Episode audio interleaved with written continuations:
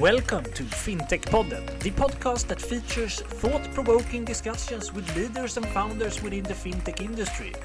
From core banking to Bitcoin, we cover it all. Now, get ready for the next episode. Hi, and welcome back to FinTech Podden. Today, we have a really interesting guest with us to talk about um, open banking and SaaS, software as a service.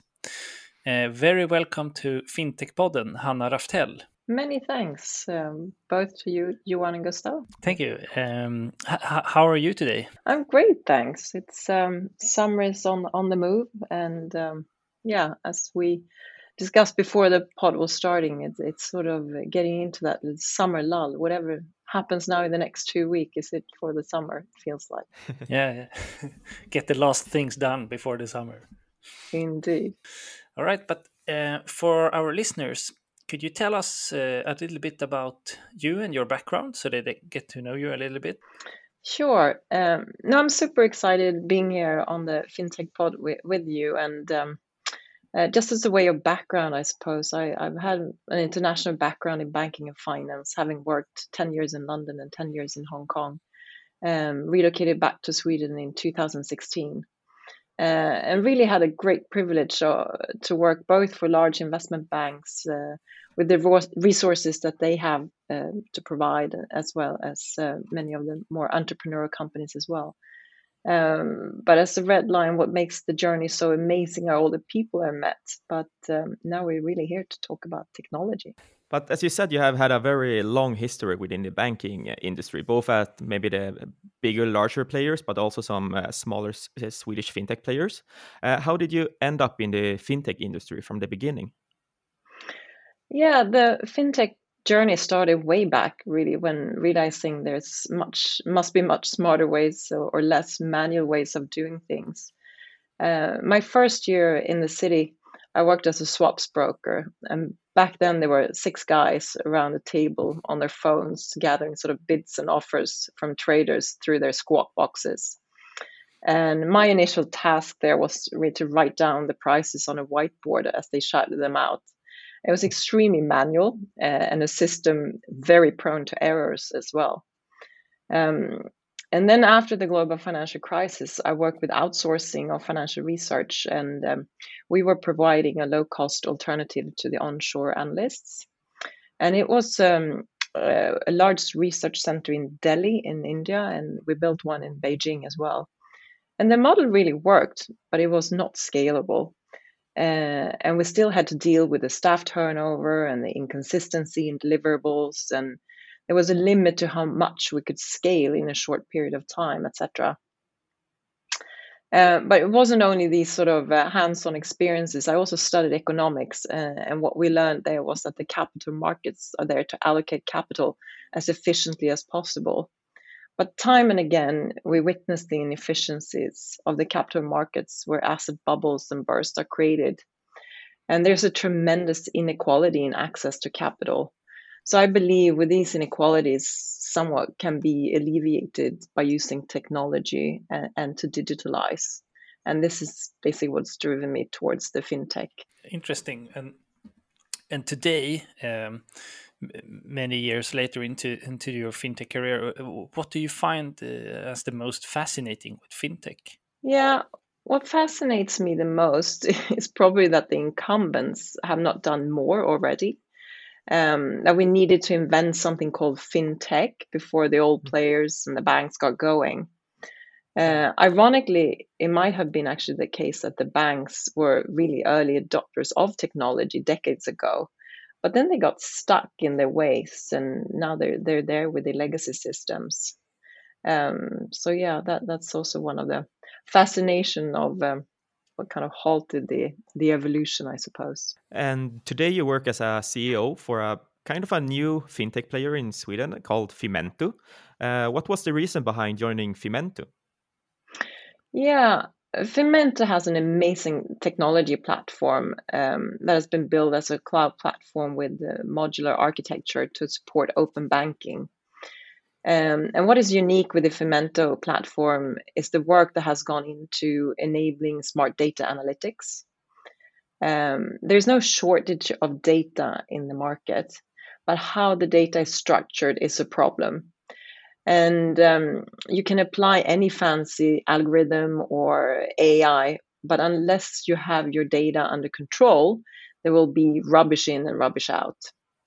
Uh, and most of the time, it goes back to your internal processes. Take one example um, how a typical lender handles its invoicing. Um, take you have a client decides to amortize a larger amount one month, uh, and then the lender sends an invoice for the larger amount, but in the end, the borrower decides to stick to the original amortization plan. So if the borrower then is sent a reminder, it causes all sorts of confusion and unhappiness on both sides, right? And this is a case uh, or an example of the sort of 80 20 rule where 80% of the clients are probably easy and they stick to the schedule while the 20% who doesn't pay according to schedule creates 80% of the work. Um, and there are many examples like this and Fimento really is an opportunity to move that needle in the open banking then hopefully can start alleviating some of these frustrations on, on both sides yeah, and and and Fimento has uh, an interesting background. Can you tell us a little bit more about that? Yeah, so Fimento is really a company that has sprung out of Moank, uh, which is a lending company. And Moank had built this great tech platform for its own use. Um, and as such, uh, our tech uh, platform is already built for its customers and, and with the customer's customer in mind. Um, but we separated the, the, two companies, and now Fimento is standing completely on its own uh, and is enabling other companies to use the ledger and the onboarding system and the AI-enabled technology that that uh, we provide. Yeah, and how does your services that Fimento provide work, and how does your customers, in your case, use your services? In what way? Yeah, so the Fimento platform is completely cloud-based and, and has that modular architecture. Uh, so clients can really choose to use either the entire platform or choose the modules that is relevant for their business. Um, our goal is to be the most customer-friendly company, and we truly believe uh, in creating partnerships with our clients. And through the open APIs, we can easily connect with our clients, but also be part of the greater ecosystem uh, where there are other companies providing better services in parts than what we can do.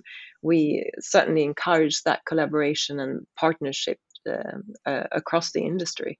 Yeah, and and um, and you're you're based in in Stockholm, Sweden, but but what which are your primary markets? Would you say? Yeah, I like the the world is our oyster, but uh, if we should focus on something it, right now, it's the Nordics, the Netherlands, and Germany.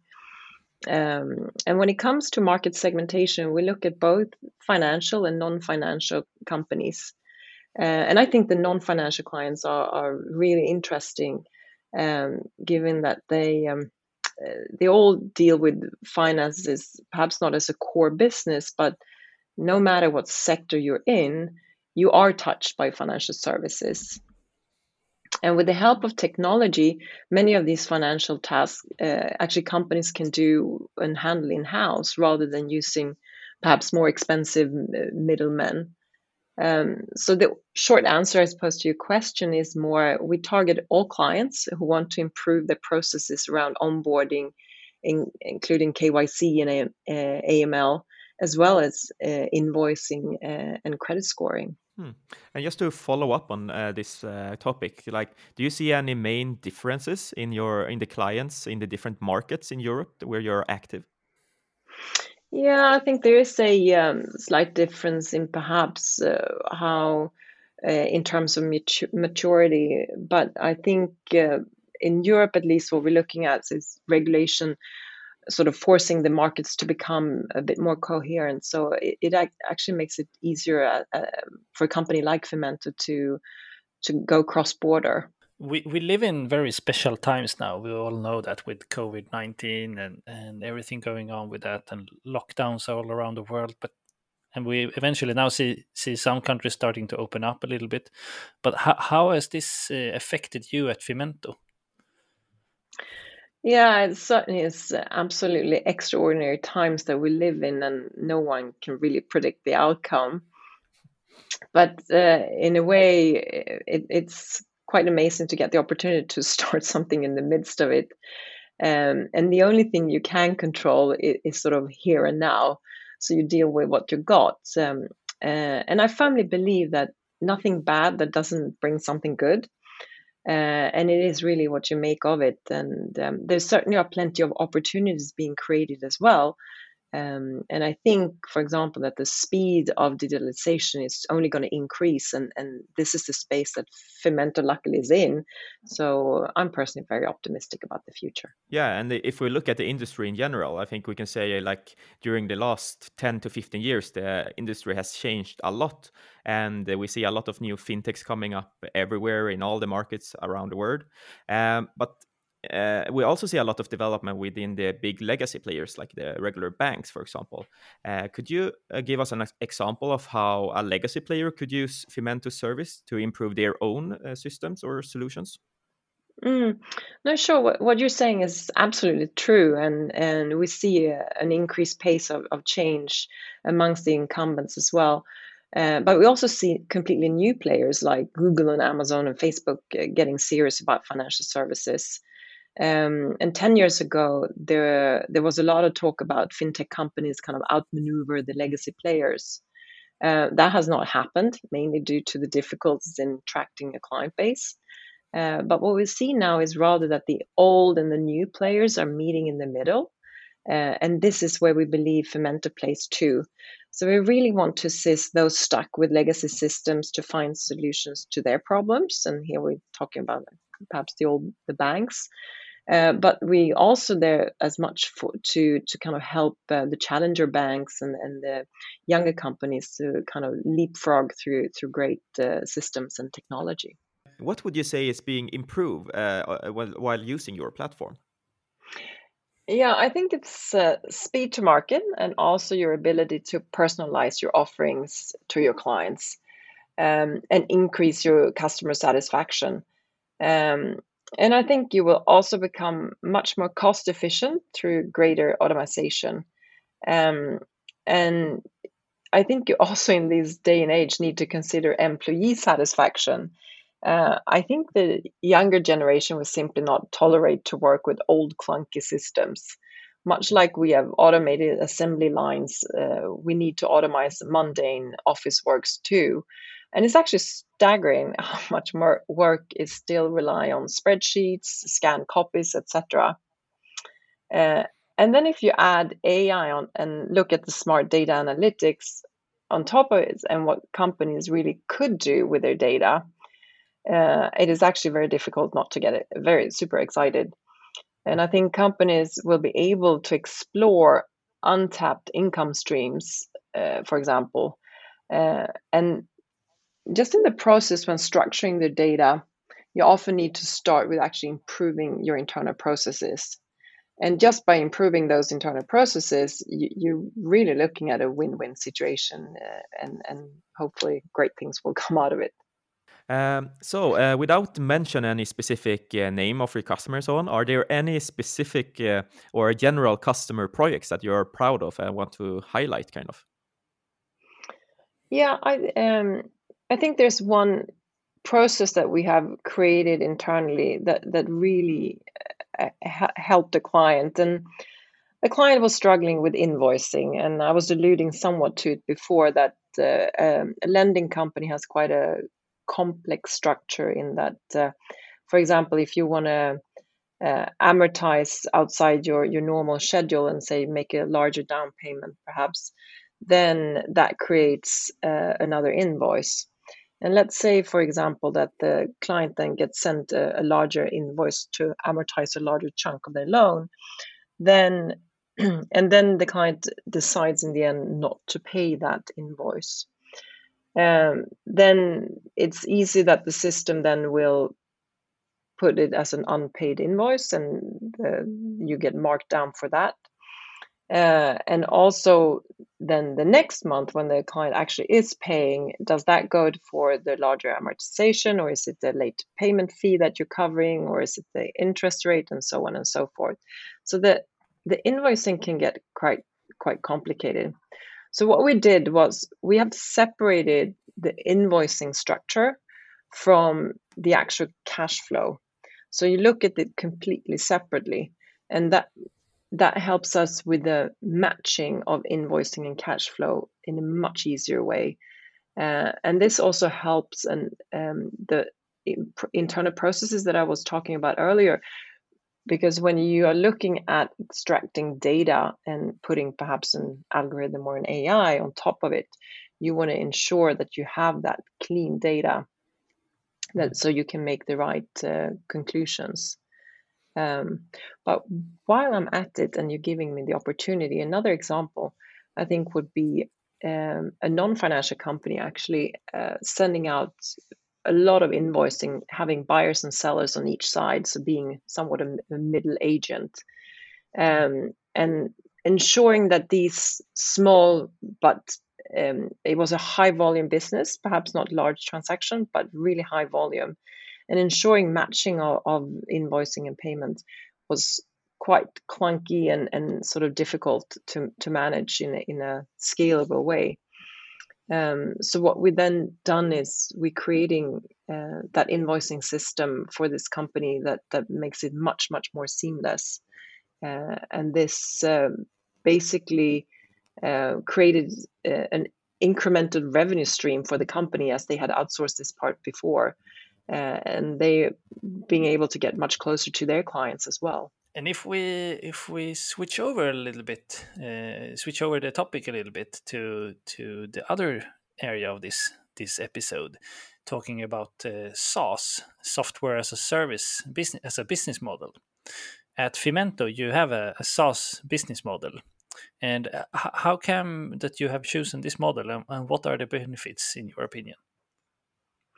Yeah, the the benefits of a SaaS model is really uh, for our clients, and it's the sort of reduced time to market, uh, not least with the easier way of um, integrating, uh, and the lower costs uh, of the, the the model.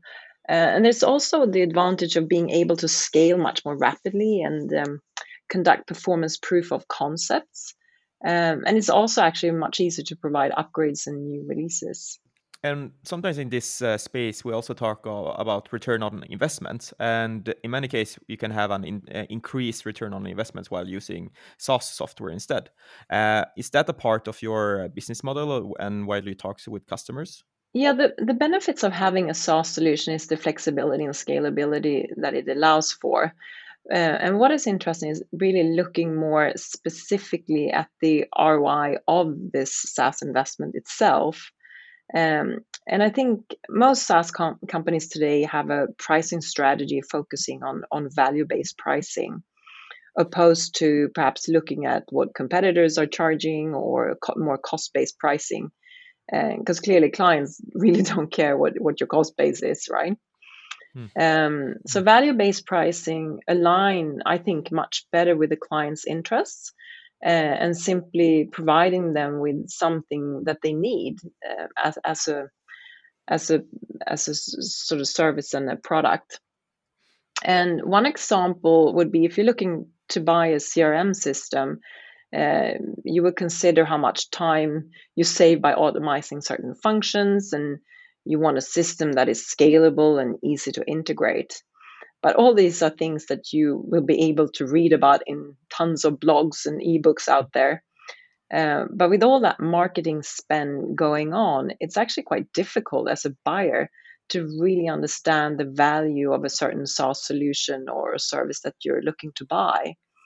So I we therefore really believe in working very closely with our clients to provide them with a SaaS calculator, if you want, relevant for mm. their unique business. Uh, and that's kind of the SaaS ROI calculator that we're talking about.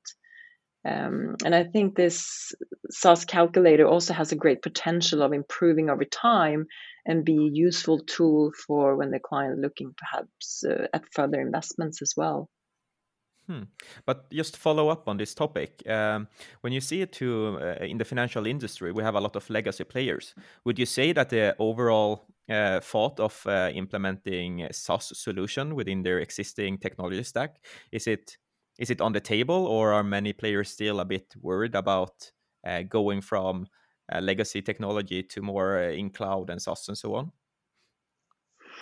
Yeah, I think uh, there is uh, perhaps uh, because it, it, we're talking about big projects here with big uh, big players, right? And and um, that move into the cloud. But I think once you start to to think about, I think you whatever your ROI calculator and, and what you're looking at, you should never forget about the end client and what you're trying to improve um, it's not in itself to just implement another SaaS solution and think that that's going to solve your world.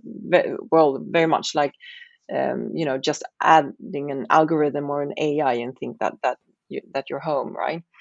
Mm. Um, but I think you should all. I mean, when you come from banking and finance, clearly the ROI concept is very prevalent, and then you, you look at calculating return on your investments all the time. Uh, and I think applying that concept uh, in in SaaS is, is also relevant and and mm. yeah. and um, I mean there are obviously the different situations that are better suitable for for a, a, a SaaS model, but uh, could you elaborate a little bit on that? Is there some situations that are more uh, um, preferable to, to use a SaaS model uh, for a, one of your customers, for example?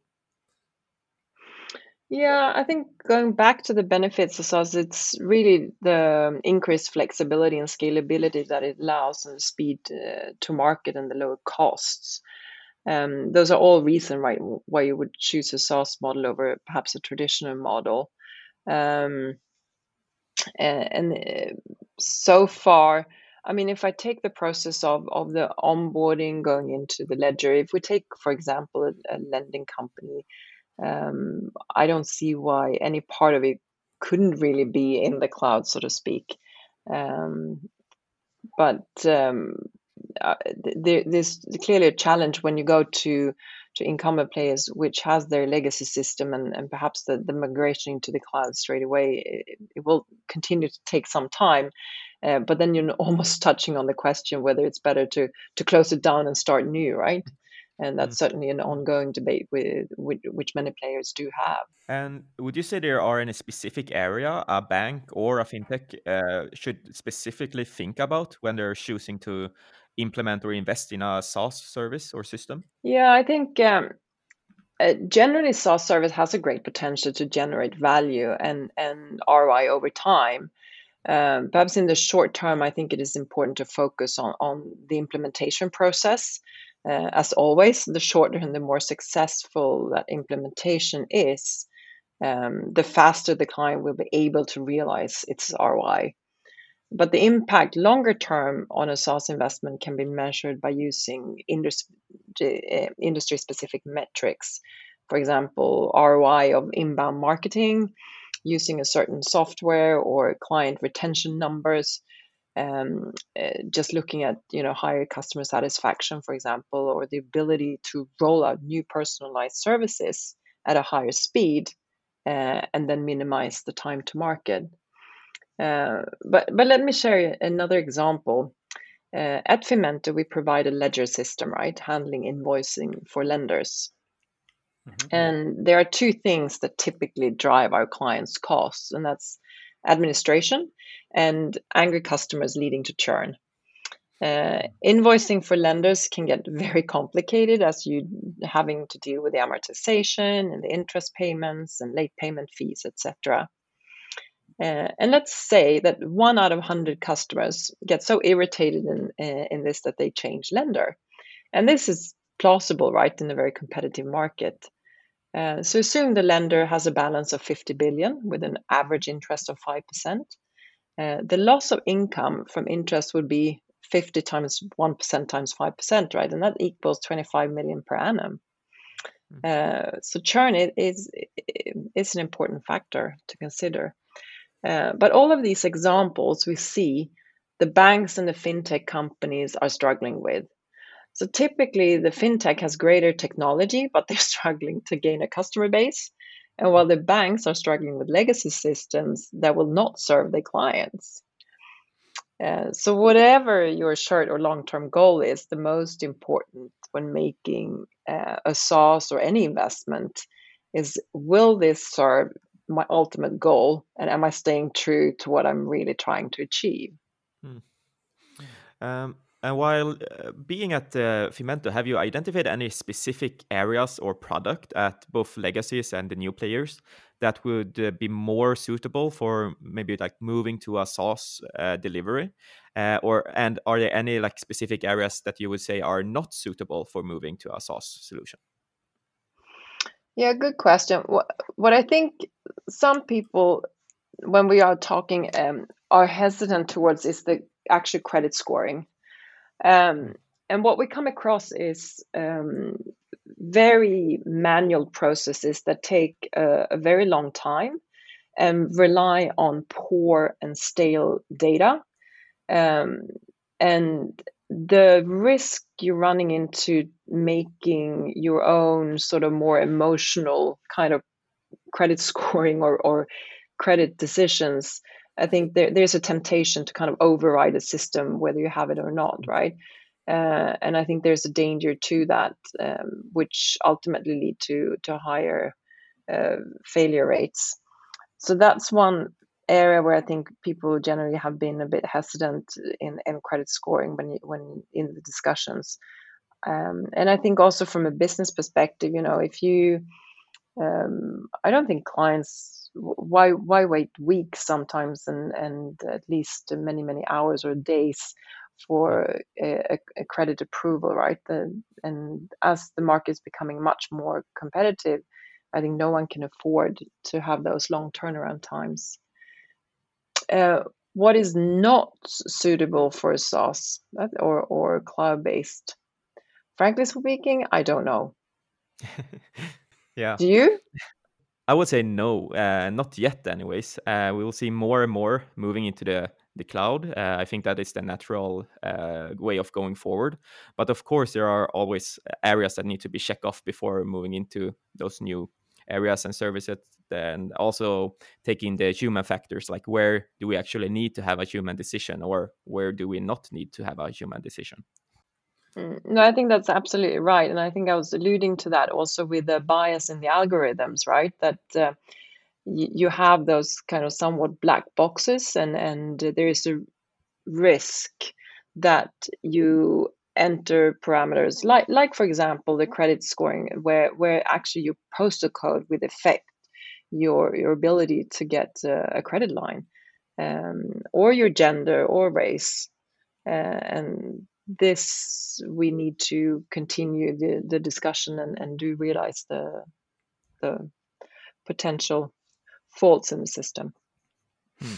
Yeah, and as you mentioned before, the, the the scalability and the speed to market and so on, I think that's really interesting um, uh, things with SaaS uh, and and going into the cloud and so on. Uh, because uh, I mean, if you look kind of fintech today and the, the they don't really know how many users they will have. They they obviously aim for the for the moon, and, and then they will see where they land. Uh, but if you if you're not using cloud and not SaaS, then you basically will have to calculate how much how many users you will be, and then buy the machines and and things, servers and everything for that, and then uh, slowly upgrade and so on. But but being in this in, in the cloud and, and with a SaaS model, you can easily and flexibly uh, just s- scale up as as you go, basically.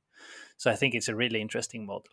Yeah, and I think both you, and me, and Gustavo have been involved in processes at uh, legacy players where they are doing, as you just said, like they are um, calculating on how many servers they need in the basement, uh, and they are gonna put a SaaS solution from a fintech player on their own servers. But I think uh, in the next coming month and years, they, they cannot afford of doing this process because it takes a long time just preparing to implement stuff and take this type kind of like SaaS solution and put them in house instead of just using the cloud solutions.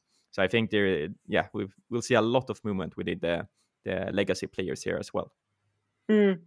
No, with that time frame, you end up uh, risking having old system before you even got started, right? And mm. um, and and then it's also the question of uh, the preferences amongst the client base uh, changes all the time, and I think there it's really interesting. I don't think you know the Google and the Amazons of this world ever want to become banks um, and with with all that it comes with with, with being under, under the regulators um, sort of eyes and ears uh, but i do think that they do challenge the banks in a ways that we haven't even foreseen. And then as a legacy players you cannot afford to not have the latest uh, version of your um, yeah the different service providers that you're using. So you kind of need to move into this SaaS model to just follow the pace of your service providers in many cases but then I think also it's interesting to view how how this whole ecosystem with with partnerships and we we certainly view one day you know I might might view a company as a competitor and the next day we might be co-pitching for for a mandate right uh, and I think we'll see much more of that type of collaboration and partnerships uh, going forward than, than we've ever seen before. Mm. And in that area, what do you at Fimento? Do you have any like natural partners within the uh, ecosystem, or do you partner up on certain cases and so on? Yeah, but take for the credit scoring, for example, we certainly uh, work with with many different providers of data and um, um, uh, well, and and I can very much view it as a potential with um, just information gathering and and bringing more data into the set uh, where we would be able to to help with the analyzing that data set. Um, mm. so yeah, um, indeed we are without sort of mentioning uh, any names really how would you say like what is your general thoughts on the market today and uh, where will you see the market going in the coming years yeah um, i do believe that the speed as we talked about before with the, um, that we digitalize and automate things will only increase um, and there's clearly many fearing the digitalization and ai and ml uh, and by all means, we do need to have a serious and ongoing discussion about what it should look like, and it's not without its challenges. Uh, I believe there is some tremendous upside in, for example, democratizing banking and finance. More people than ever before will have access to capital and uh, will be able to participate in the markets in, in ways they've never been able to do before. Um, but there are also risks, for example, with algorithm bias in credit scoring, when your postal code, your gender, race, or the fact that you perhaps missed an excess down payment uh, will lead to lower credit rating, which in turn means that you have to pay a higher interest on your loan.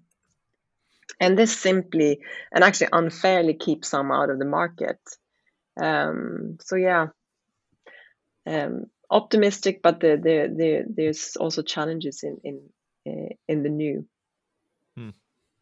Uh, interesting. Uh, it's yeah, it's uh, it's obviously going to happen a lot. But uh, if we if we look into if you were to actually name one fintech and you cannot choose uh, Fimento anywhere in the world, what which one would you think?